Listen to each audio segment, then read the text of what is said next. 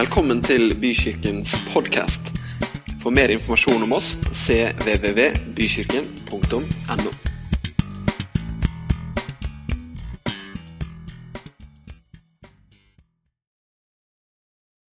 Vi skal snakke om steg. Vi har noen verdier i vår kirke som har lagt det siden, siden vi startet Bykirken. Eh, og det er steg. Og de står jo for noe, disse bokstavene her. De står for sjenerøsitet, det står for tilstedeværelse, det står for engasjement, og det står for glede. Så Jeg skal begynne i dag med å snakke litt om sjenerøsitet. For det er en verdi vi setter høyest, som vi setter først av alt. Og Jeg skal begynne med å lese et bibelvers som står i 1. Tessalonikerne 3,12. Her står det at må Herren gi dere rikdom og overflod av kjærlighet, både til hverandre og til alle, like som vi har til dere. Rikdom av kjærlighet. Overflod av kjærlighet. Det er den sjenerøsiteten som Bibelen snakker om, som forteller hva Gud har når han sender sin sønn. Så er det overflod av kjærlighet. Det er en sjenerøsitet som strekker seg langt utover det som vi kan forvente. Utover det som vi kan håpe på en gang. Men sjenerøsitet er å dele av det du har blitt gitt. Og Da må du ha noe for å dele. Og Derfor så ber Paulus her at må Herren gi dere rikdom og overflod. Vi skal ikke bare gi av et land som vi har, og dele av et land som vi har, men vi skal dele av noe som vi har blitt gitt.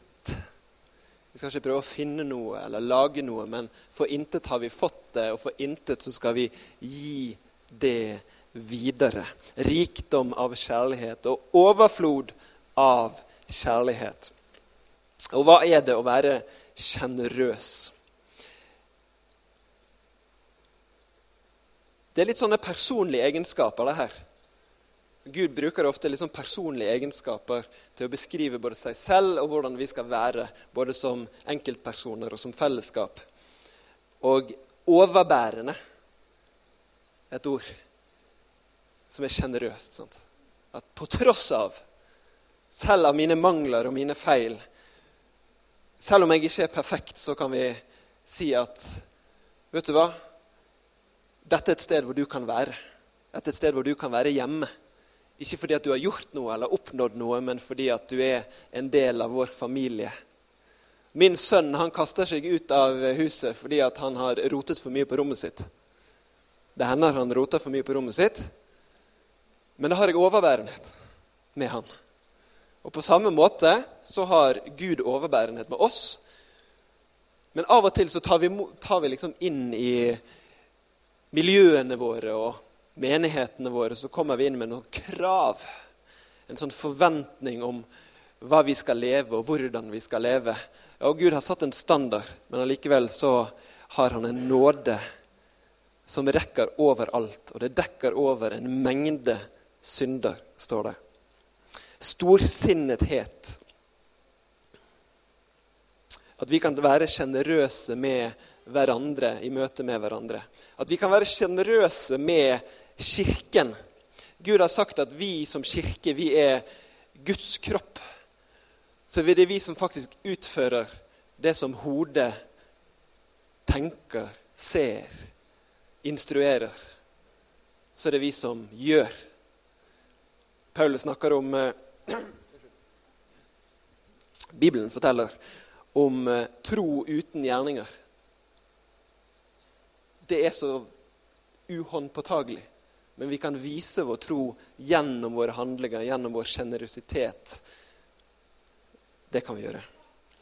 Dette er jo motsatsen til å være gjerrig. Eh, og jeg tenker nå som vi har fått eh, Bare for noen minutter siden så har vi fått pastor. Det er jo litt stas.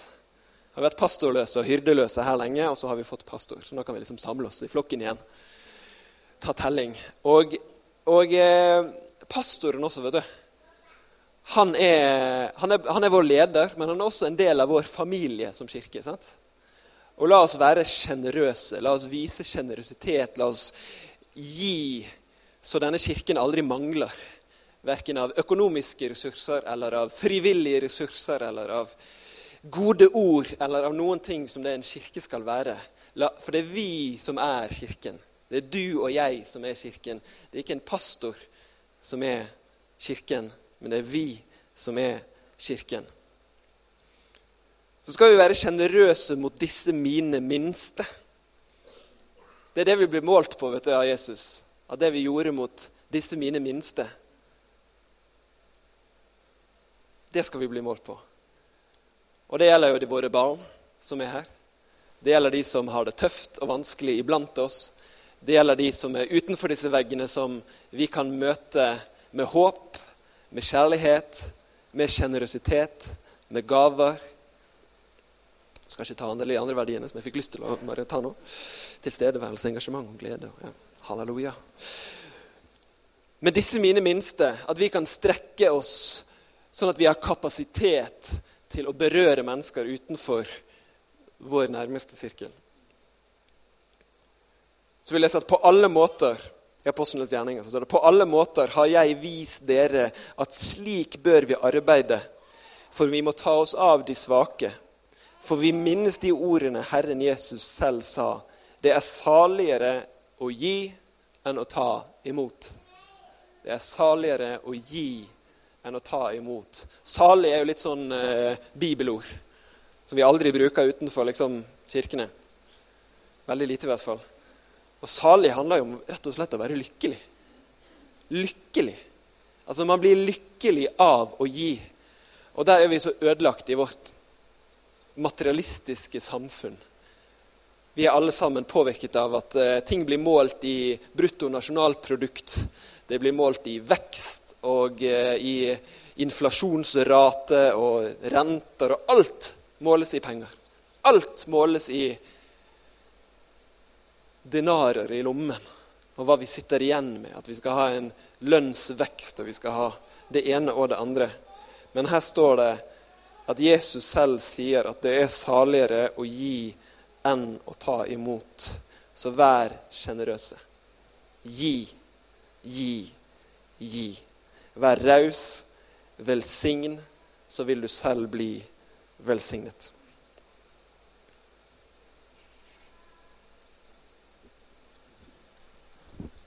Da tar vi snarveien. Og så, hvis jeg skulle klare å holde meg til eh, de minuttene som vi var tildelt, så måtte vi på ark, for ellers så klarer jeg aldri å få sagt det jeg skal si. Så det skal gå over på fire minutter og ca. 20 sekunder. Så dere får eh, Det er innenfor småpraten i starten. Eh, mitt punkt er T-en, og det står for tilstedeværelse. Jeg ser en kirke som er til stede i alle livets faser. Når det stormer som sterkest og man verken kan høre eller se pga. stormens brøl, eller når det er så stille at man føler seg forlatt helt alene, når stillheten er så påtrengende og trykkende at man ikke kan løfte blikket, da er kirken der som en redningsklippe. Som et fyrtårn som skaper en retning. Jeg ser en kirke som løfter opp det som er brutt i sammen, og setter det i stand, det som er ødelagt. En kirke som er øm og livsnær til å gi liv til der det kan se livløst ut. En kirke der vi herrens arm, er Herrens armer og øyne og ører. Vi drømmer om en kirke som er klippen midt i livet en kirke som er håndterlig og håndfast, men relevant og livsgivende. En redningshavn som man kommer til og ikke flykter ifra. En redningshavn der ærlige liv leves. Vi ser en kirke som eh, med et mangfold av mennesker, gamle og unge, i alle fasonger, både billedlig og fysisk, men med felles går i sammen mot det felles mål. På tvers av ulikheter har en enhet som er guddommelig skapt. Ulikhetene splitter ikke, men er med å forme visdom. Skaper tro og gir vekst. Vi drømmer om en kirke som fanger opp de som trekker seg unna når livet blir vanskelig. De som måtte tro at de ikke passer inn når fasaden ikke lenger kan holdes oppe. Og sannheten om et trøblete liv ikke lenger kan skjules. Vi drømmer om en kirke som henter de inn igjen med kjærlighet og omsorg. En kirke som gir tro, troen videre til neste generasjon. Utruster familiene til å stå sterke sammen i troen. Der familier med alle generasjoner styrker hverandre og sette hverandre i funksjon. Så både unge og barn og voksne lærer den vei de skal gå, og ikke forlater troen i livet. En kirke der hvor gode ord sitter løst, med oppmuntring som preger vår kultur. Der ulikheter skaper styrke og ikke splittelse. En kirke som gir liv og skaper en tro på det som ligger framfor oss. En kirke som ikke er innadvendt, men som er satt i funksjon av å betjene. En levende kirke som har en oppgave i å forandre den plassen man er ment til å tjene på.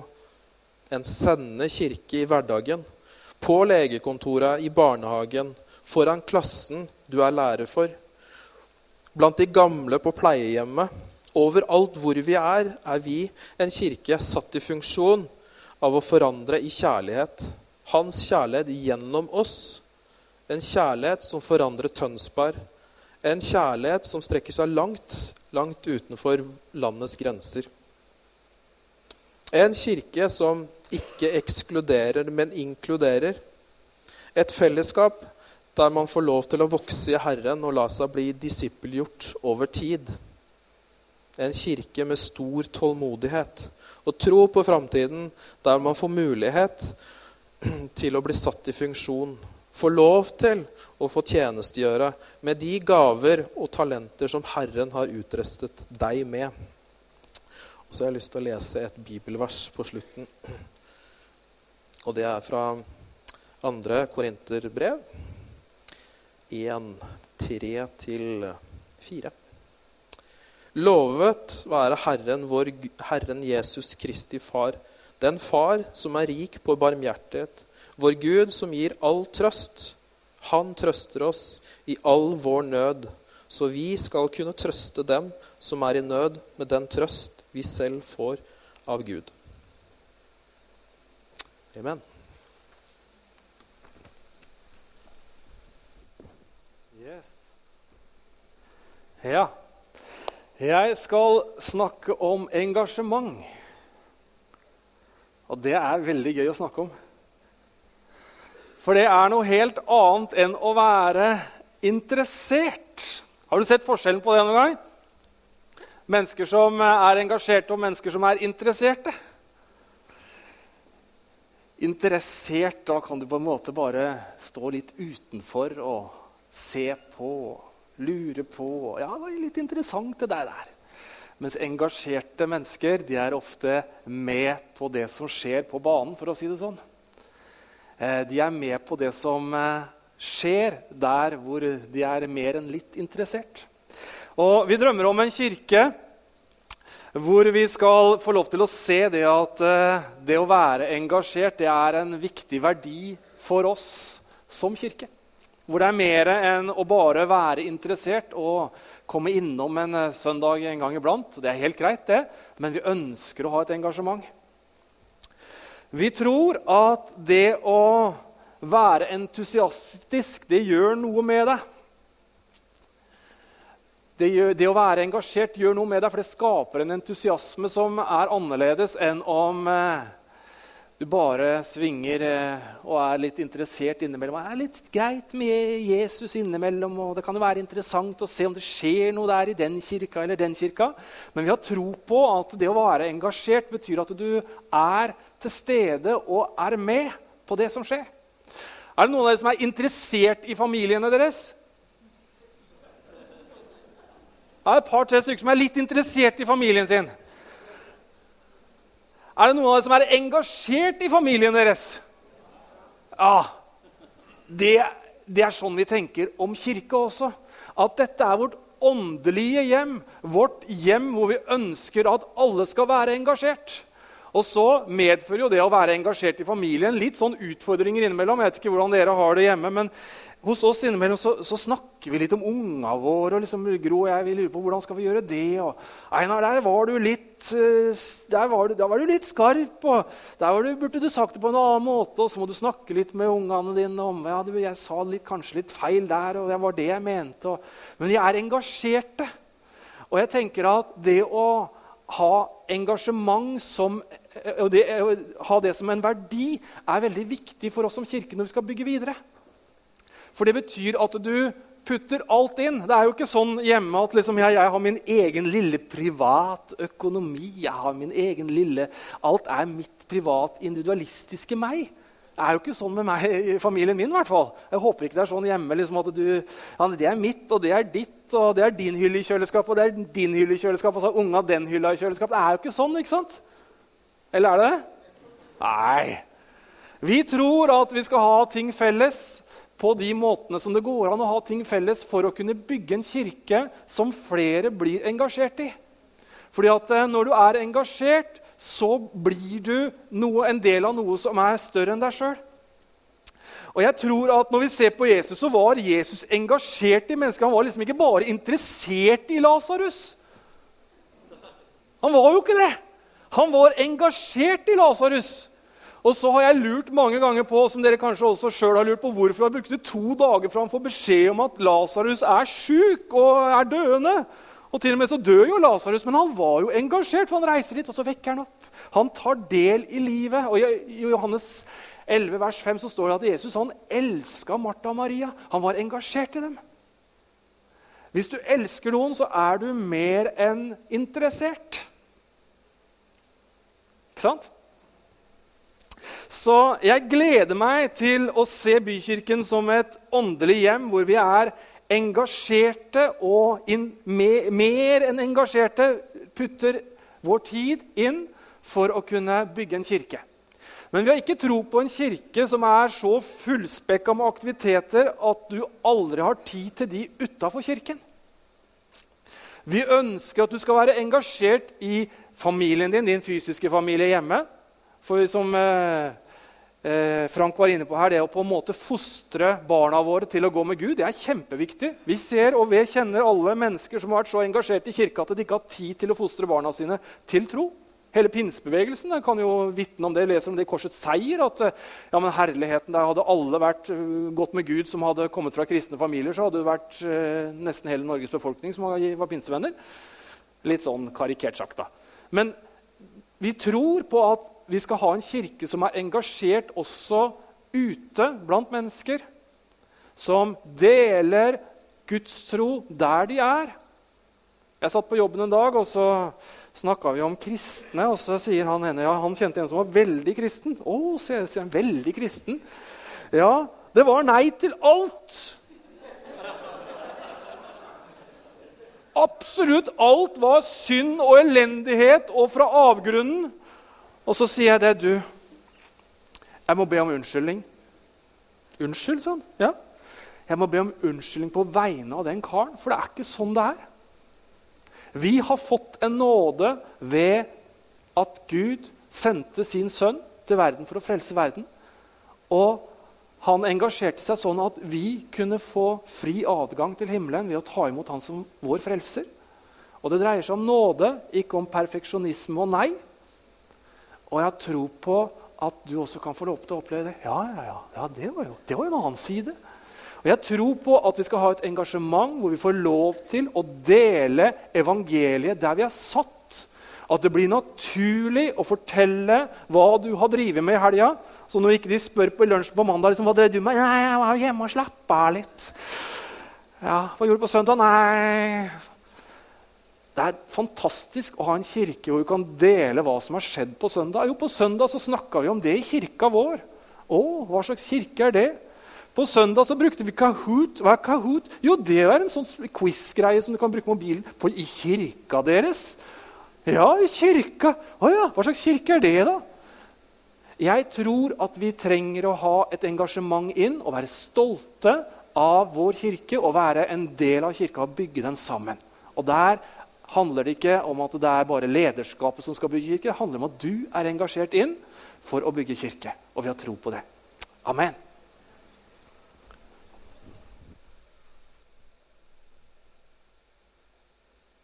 Yes. Jeg er så heldig å skal få ta den siste bokstaven i eh, denne gruppeoppgaven. Som det jo er. Det må jo få litt sånn eh, videregående skolefølelse når man eh, skal litt opp etter de andre. Og så skal Bent Ove få redde, redde, oss inn etterpå med å oppsummere til slutt. Så Det er sånn pastorer har det. Bare bli vant til det med en gang. Bent Ove. Det er derfor vi har lagt opp sånn. da. Så han skal liksom redde oss inn til slutt. Så det, det er kjempefint. Veldig trygt å vite at Bent Ove skal opp etter meg. Så kan jeg si hva som helst, og så får han det til å funke etterpå. Men eh, vi skal altså snakke om glede. Og det er vel derfor, eh, altså det er nok en grunn til at jeg har fått denne siste bokstaven. Fordi eh, de andre de funker jeg sikkert ikke så bra på. Men jeg tenkte glede det vil sikkert funke nå på søndag. For på, da har jo han sikkert fått barn nummer tre. Og det har han gjort. Jeg har blitt trebarnsfar. Ja, ja, det er stort.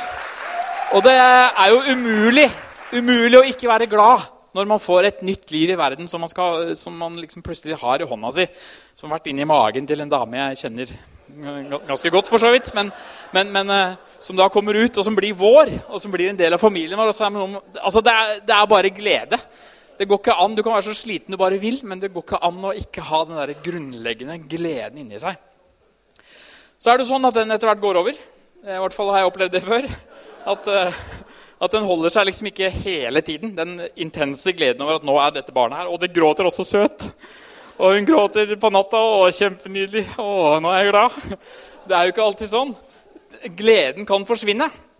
Eh, men jeg tenkte vi skulle se litt på et bilvers eh, som jeg har lest mange ganger før. Eh, inni meg sjøl og utapå, holdt jeg på å si. I hvert fall i min kristne karriere da, så har det verset her fulgt meg lenge. Det står i Filipperne 4, 4-7. Og der står det altså Gled dere alltid i Herren. Igjen vil jeg si, gled dere. La alle mennesker få merke at dere er vennlige. Herren er nær. Vær ikke bekymret for noe, men legg alt dere har på hjertet, framfor Gud. Be og kall på ham med takk. Og Guds fred, som overgår all forstand, skal bevare deres hjerter og tanker i Kristus Jesus. Eh, et fantastisk vers, men, men det har alltid vært noe som har skurra litt for meg. i dette verset. Eh, for det er så bydende form. Gled dere i Herren! Igjen vil jeg si gled dere! Gled dere faktisk alltid i Herren! Det er litt sånn jeg leser det noen ganger. da. Litt sånn Ok. Eh, jeg, jeg, sliter med å bli tvunget til å glede meg. Eh, så det funker ikke så bra for meg, og det funker ikke så bra for mange andre mennesker heller. Så hva er grunnen til at Paulus er så utrolig bydende i formen sin når han sier dette her? Eh, alle mennesker er jo på jakt etter å ha glede i livet sitt hele veien. Og, og i vår tidsalder så er det veldig inn med coacher og selvhjelpsbøker, og det selger jo som aldri før. Eh, og jeg leste i VG nå en eh, artikkel eh, fra en kar som heter Sven Brinkmann, som er psykolog. Og Han har nå gått ut og sier at det er for mange selvhjelpsbøker der ute, for de funker ikke. Men han har da skrevet en selvhjelpsbok om det. Så den kan du kjøpe, selvfølgelig. Så han har skrevet en selvhjelpsbok mot selvhjelpsbøker på hvordan man kan få dette livet til å bli bedre. Um, men han har et par gode poeng, denne mannen. Det ene poenget han har, det er at selvhjelpsbøker de eh, gjør, eh, skaper glede og lykke. Det, det, ser man først når man ser inn i seg sjøl. Det er liksom selve eh, psykologien rundt dette med glede. Når du finner deg sjøl, når du liksom kommer inn i deg sjøl, liksom, da får du selvtillit. og da, da får du alt dette til å funke, og du sier ting til deg sjøl som gjør at du blir en bedre person, og at du får glede. Men det er jo feil. Du kan ikke søke inn i deg sjøl for å få glede. Når jeg søker meg inn i meg sjøl, så blir jeg redd. Jeg blir jo livredd. Det er så mye rart der inne. Så det, det funker jo ikke. Det er, det er, jo som om man skal ankre opp en båt i båten. Eh, liksom, ja, det funker. Jeg er jo fra Trysil, så jeg kunne jo finne på det. Sikkert. Men, men, men, men, uh, men det er jo ikke sånn, sånn, det skal være. Man klarer ikke å finne ro i seg sjøl. Jeg tror det er sånn for flere enn meg. da, At inni meg så er det så mye annet som gjør at jeg ikke klarer å være rolig og, og glad bare ved å tenke på hvor fin jeg er. Jeg er jo ikke så fin. Uh, og så sier Sven Brinkmann videre at uh, vi, altså etter at religiøsiteten, som jo var det man forbandt livet sitt med før, når den liksom har blitt borte, tror han, så, så må vi da søke ut i eh, de forpliktelsene vi har i livet vårt. Det er der vi finner gleden. Det er der vi finner tryggheten og roen, og det er der vi får selvtillit. Men hallo, ting rundt oss forandrer seg også. Jeg vet ikke om du har vært med på at relasjoner forandrer seg litt. At de forpliktelser man har, gjort det, det, altså Omgivelser er ikke styrbart. Du kan ikke kontrollere omgivelsene dine. Eh, og jeg tror kanskje Det er derfor Paulus er så utrolig tydelig på at du skal glede deg i Herren. Du skal ikke glede deg i alt mulig rart annet rundt. Du skal glede deg sjøl, ikke i omgivelsene dine. Du skal glede deg i Herren. Jeg har selv slitt mye med fordømmelse i mitt kristenliv. For det er så mye jeg har lyst til å gjøre som jeg ikke får til. Jeg har så utrolig lyst til å bruke mer tid på mennesker som ikke tror. Jeg har så lyst til å være sammen med andre folk hele veien. Og jeg får det ikke til. Jeg har lyst til å være mer sammen med Gud, be mer. Det er så utrolig mange sånne ting som jeg sliter med i hverdagen. Og det er fordi jeg ikke gleder meg Herren, men jeg skal liksom gjøre ting sjøl. Når vi klarer å koble oss på Gud og si at 'Herre, det er faktisk du som er gleden i mitt liv'. Det er du som har gjort ting for meg, det er ikke jeg som gjør dette sjøl. Da blir kirka vår dynamitt. Dynamitt blir det. Eh, fordi vi klarer å glede oss i det han har gjort for oss, når vi kommer sammen i kirka. Da er det ikke våre talenter først og fremst. Og liksom jeg skal se, å, Stian er så mye flinkere enn meg til å spille bass. Eh, det er ikke det som blir hovedfokuset. fordi hovedfokuset blir at oi, Stian er så flink til å spille bass. Han gjør det for Gud. Og jeg kan glede meg over at vi bruker våre talenter i denne kirka for at andre mennesker skal få se i hvert fall et lite glimt av hvem han er. Og Når vi har det på plass, når vi gleder oss i Herren, først og fremst, så blir det vi gjør, både i kirka og i resten av livet vårt, det blir bare noe vi syns er godt å gjøre. Uh, ja, Jeg tror det var sånn cirka det jeg ville konkludere med. Så da kan du redde oss inn, Bent Ove. Takk skal du ha.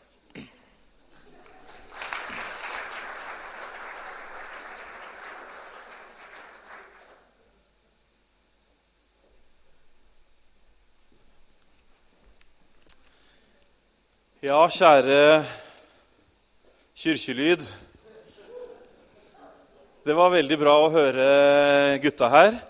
Kan ikke dere bare komme fram her i lyset, så vi ser dere? For jeg har lyst til å Før jeg eh, retter opp det som trengs å rettes opp Det er ikke så mye av det.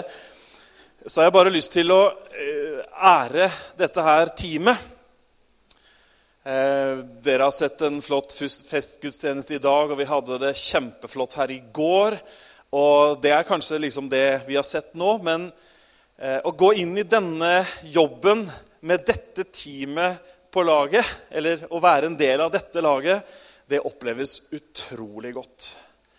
Det er en sånn vilje og evne til å rulle opp eh, ermene og ta i et tak. Og vi, vi, har jo vært eh, holdt på å si, administrasjon, eh, ledelse og det meste de siste månedene. Så er det aldri tungt å fordele, og vi, de tar tak. Og det er liksom en sånn følelse av at dette gjør vi sammen, dere. Så jeg har bare lyst til å ære dere. Jeg er så glad for at det er dere som, eh, som, er teamet, virkelig. Skal vi ikke reise oss og gi dem en skikkelig applaus?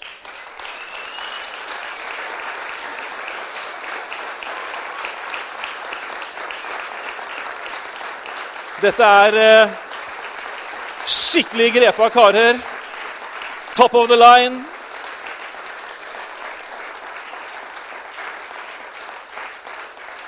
Tusen hjertelig takk. Jeg gleder meg virkelig til fortsettelsen. Dette blir jo en sånn oppsummering, eh, skråstrek eh, første tale som pastor og ja alt på en gang. Men jeg har lyst til å prøve å si noe etter alt det bra som har vært sagt. Eh, men eh, før jeg gjør det, så har jeg også lyst til å takke menigheten her i Bykirken. For det har vært eh, fra vi landa denne ballen og presentasjon og avstemning og alle vedtektene har blitt fulgt til punkt og prikke, det kan dere være trygge på, så har det vært en sånn opptur for meg og for Julia fordi det har vært så utrolig mange gode ord fra dere. Hver eneste søndag så har, har folk kommet, dere har takka, dere har eh, slått oss på skuldra, det har vært gode ord. Og, og det, er, det bygger en sånn takknemlighet inni meg, fordi at jeg vet at det er ikke eh, en død forsamling der et eller annet sted som vi skal prøve å gjenopplive.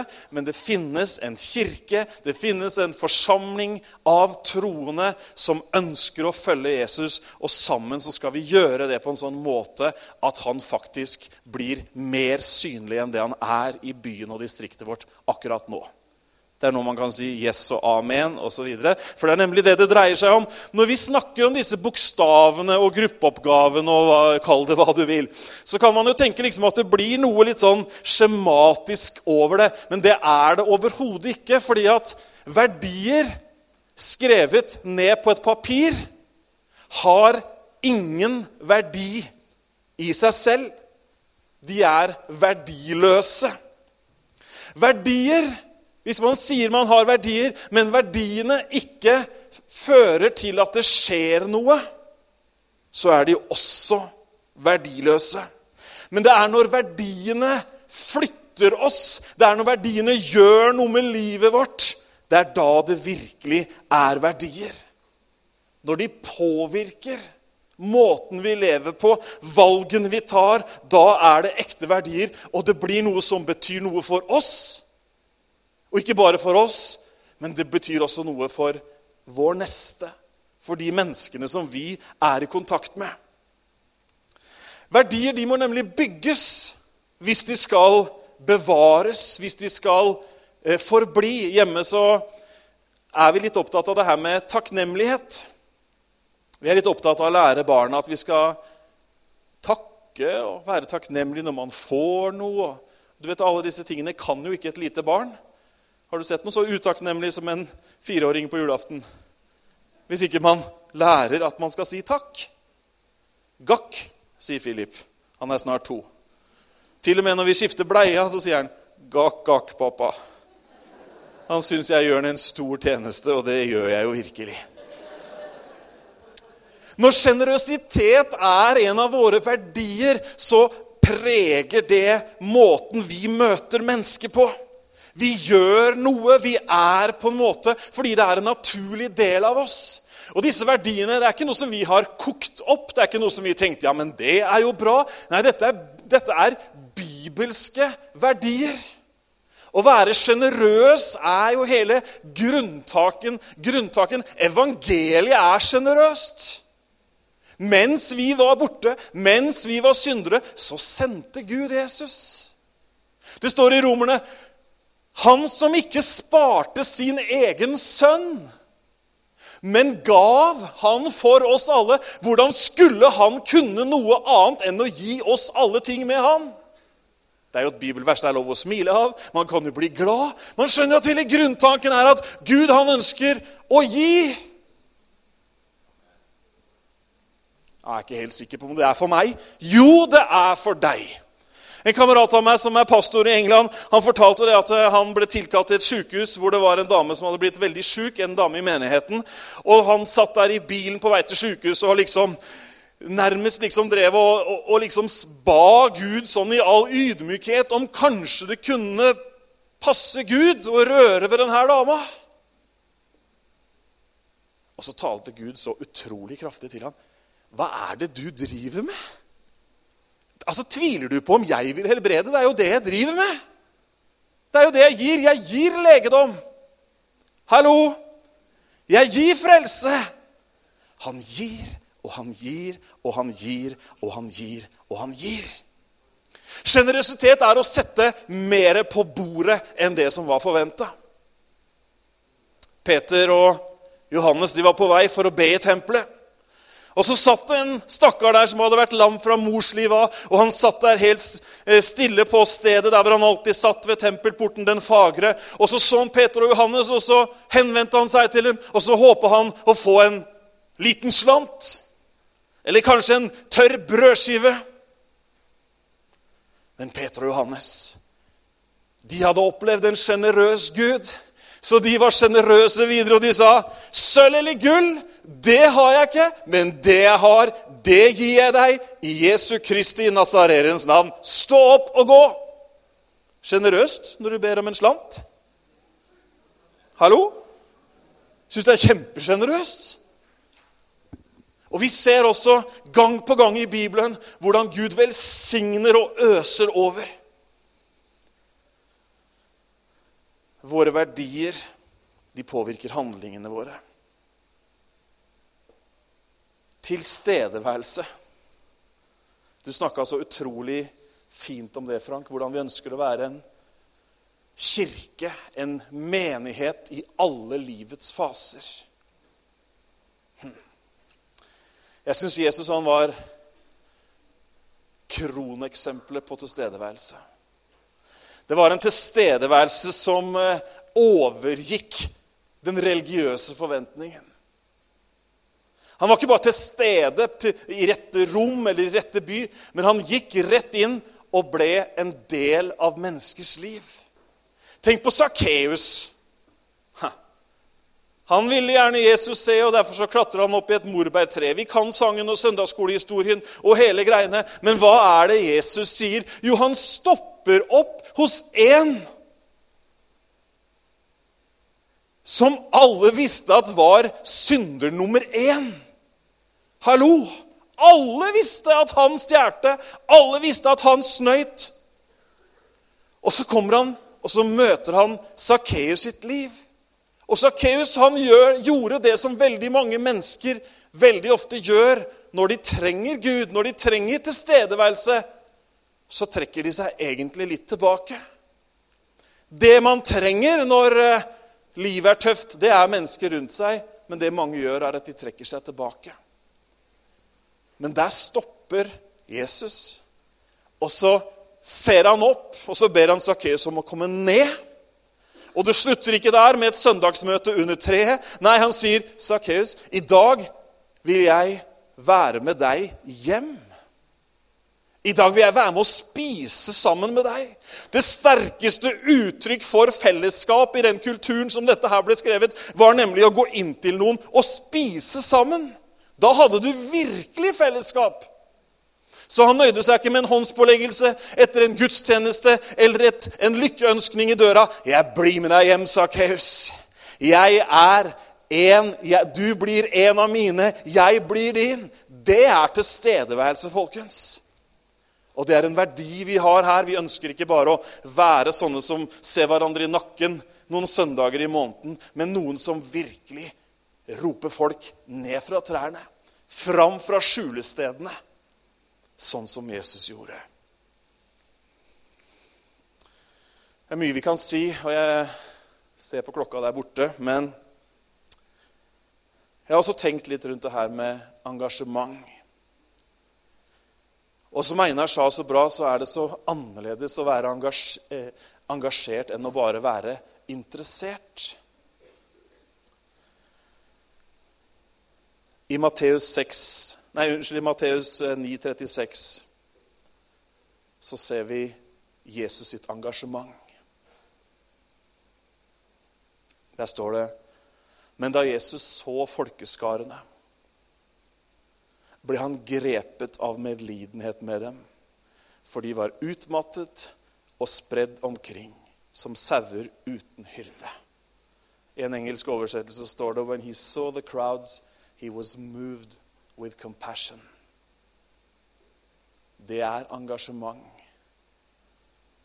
Ikke fordi du kan huke at du har møtt fram, men fordi at du ser mennesker som noe mer enn bare mennesker. Du ser, du ser ikke mennesker bare som trær, men du ser at de har en stor verdi fordi at Gud har skapt dem. Det er engasjement. Det er å gi seg til noe.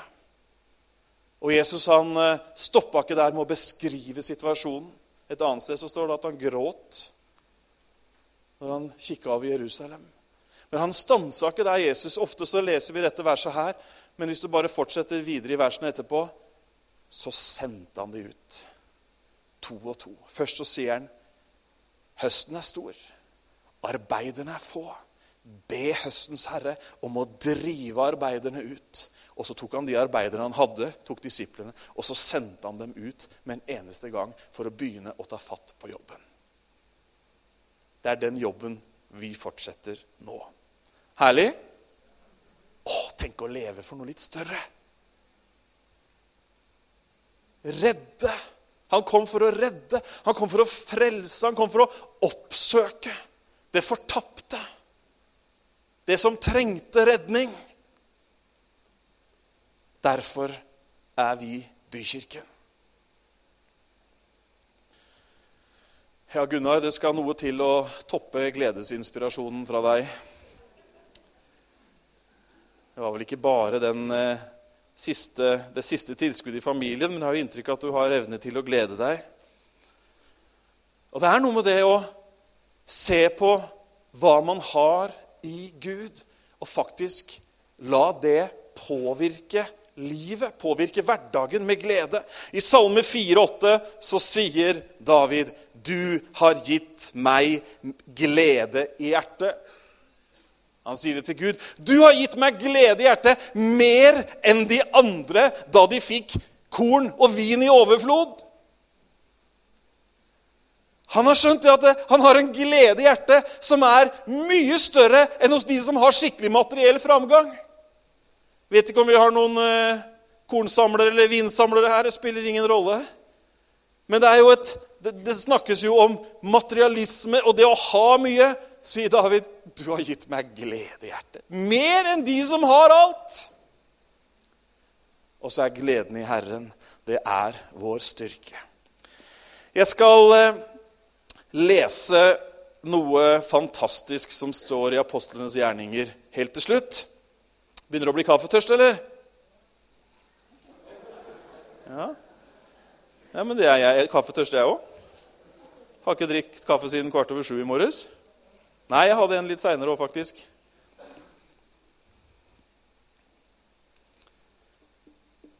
Det er jo så mange ting som man har lyst til å liksom si noe om ved en anledning som denne, men eh, gleden er jo stor hos meg over at det blir flere anledninger, så jeg skal ikke ta alle tingene nå. Det tenker jeg du er glad for. Oi, oi, oi, som det bobler av tanker og ideer. Oi, ja, ja. Nei, men det blir fint. Vi skal sørge for å få en søndag i ny og ne hvor vi kan si noe om det. Men jeg satt og leste litt i apostlenes gjerninger. og så, Jeg vet ikke åssen det er i din bibel, men i min så er det en del sånne overskrifter som ikke er fra grunnteksten, altså, men de har satt inn, de som har eh, redigert Bibelen. Og der var det en som jeg tenkte Først så, leste, så jeg ikke, men så leste jeg så leste jeg uh, teksten, og så tenkte jeg dette her er jo virkelig verdiene våre beskrevet på kornet gjennom noen få vers. Høres ikke det bra ut? Dere som sitter og venter på oppsummeringen. Den har vært, altså, men uh, ja. Men der står det i uh, Apostelens gjerninger 2,40 der er overskriften 'En levende menighet vokser'. Åh, ikke det deilig overskrift? En levende menighet vokser. Ja, takk for engasjementet der. Tusen takk for tilstedeværelsen òg. Og den sjenerøse tilbakemeldingen. Og gleden boblet over. Ja da, nei, Det er greit. Det er mørkt vet du, og det er tidlig på morgenen, så da blir man litt søvndyssig. Det er greit. Men hør på dette her. Og med mange ord vitnet han og formante dem og sa:" La dere frelse fra denne vrange slekt. De som tok imot hans ord med glede, ble døpt. Vi skal ha dåp om noen uker, så har jeg sagt det. Og den dagen ble omkring 3000 sjeler lagt til de andre. Og de holdt hele tiden urokkelig fast ved apostlenes lære og ved samfunnet, ved brødsbrytelsen og ved bønnene. Da kom det frykt over hver sjel, og mange under og tegn ble gjort ved apostlene. Alle som trodde, var sammen og hadde alle ting felles. De solgte eiendelene og det de hadde, og delte, et, delte dem ut til alle ettersom enhver hadde behov. Her er det jo vanlig å gjøre en pause i tekstlesningen og si at livet var jo annerledes på den tiden.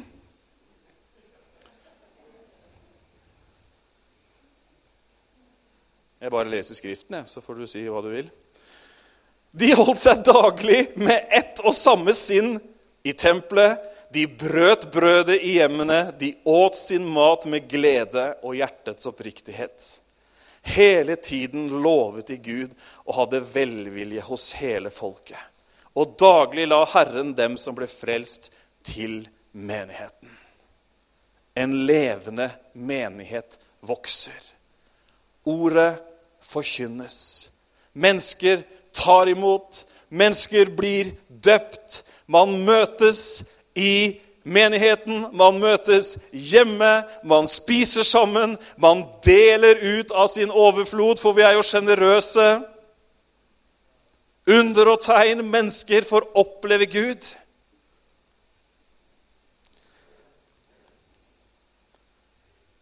Og så legger Herren alle de som kommer, til. Jeg gleder meg til den siden der av de versene. Gleder meg til den andre, de andre sidene også. Men må Gud hjelpe oss. Må Gud lede oss. Må Gud tale til oss, sånn at mennesker legges til denne menigheten. De andre menighetene òg, men i dag så snakker vi om oss. Jeg lengter etter ferske historier om mennesker som har opplevd Gud. Jeg gleder meg til at vi skal dele vitnesbyrd som ikke er fra 1979. De er også bra. Men noen som er fra i går og fra i forrige uke. Og vet du hva jeg har? Så gjennomgående, gjennomgripende, innbitt, overbevisende tro på at Guds menighet, den skal fortsatt rulle framover. Tiden er ikke over. Hørte du det? Tiden er ikke over. Jeg leste jo her en søndag for dere. Si ikke 'alt var mye bedre før'. For da sier Bibelen at det er ikke, det er ikke, vis, det er ikke av visdom du sier det. Vi må tro på framtiden, og Gud fyller oss med den troen. Og jeg gleder meg virkelig. Jeg har lyst til å be dere om en ting før vi skal be sammen. Og det er jeg har lyst til å be om at dere skal være med og be.